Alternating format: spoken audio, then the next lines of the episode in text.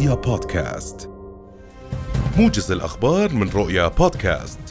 يشيع الفلسطينيون بالضفة الغربية جثماني الشهيدين أحمد عساف وراني قطنات اللذين ارتقيا برصاص الاحتلال فجر اليوم خلال اقتحامها بلدة قباطية جنوب مدينة جنين.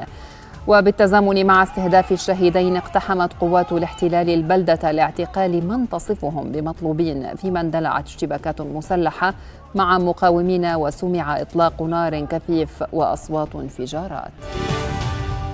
قال مدير وحدة تنسيق القبول الموحد الناطق باسم وزارة التربية والتعليم والبحث العلمي مهند الخطيب إن استحداث تخصصات جديدة غير راكدة وغير مشبعة لمرحلتي البكالوريوس والماجستير للعام الدراسي القادم جاء بناء على الطلب عليها محليا وإقليميا.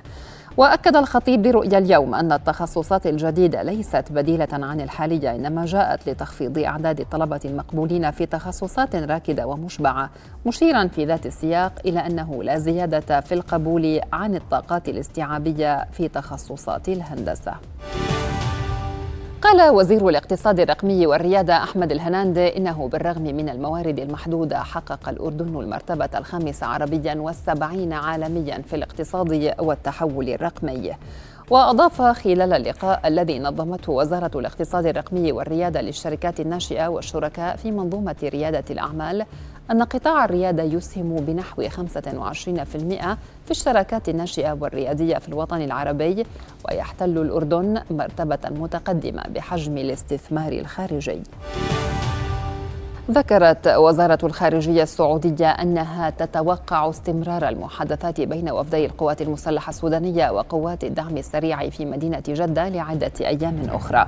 بدوره أعلن رئيس الاتحاد الأفريقي غزالي عثماني أن الاتحاد سيرسل مبعوثا خاصا إلى جدة للمساهمة في التوصل لاتفاق بين طرفي الصراع في السودان وأكد وزير الخارجية الأمريكي أنتوني بلينكين يوم أمس أن الولايات المتحدة لن تتخلى عن هدف إعادة السودان إلى مسار حكم ديمقراطي مدني.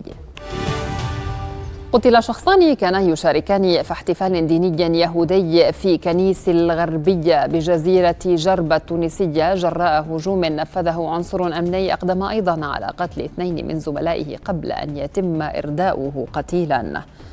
وأكدت وزارة الداخلية السودانية أن الشرطة طوقت المعبد وأمنت جميع الموجودين داخله وخارجه مشيرة إلى أن البحث متواصل لمعرفة دواعي هذا الاعتداء دون أن تتحدث في هذه المرحلة عن اعتداء على خلفية إرهابية.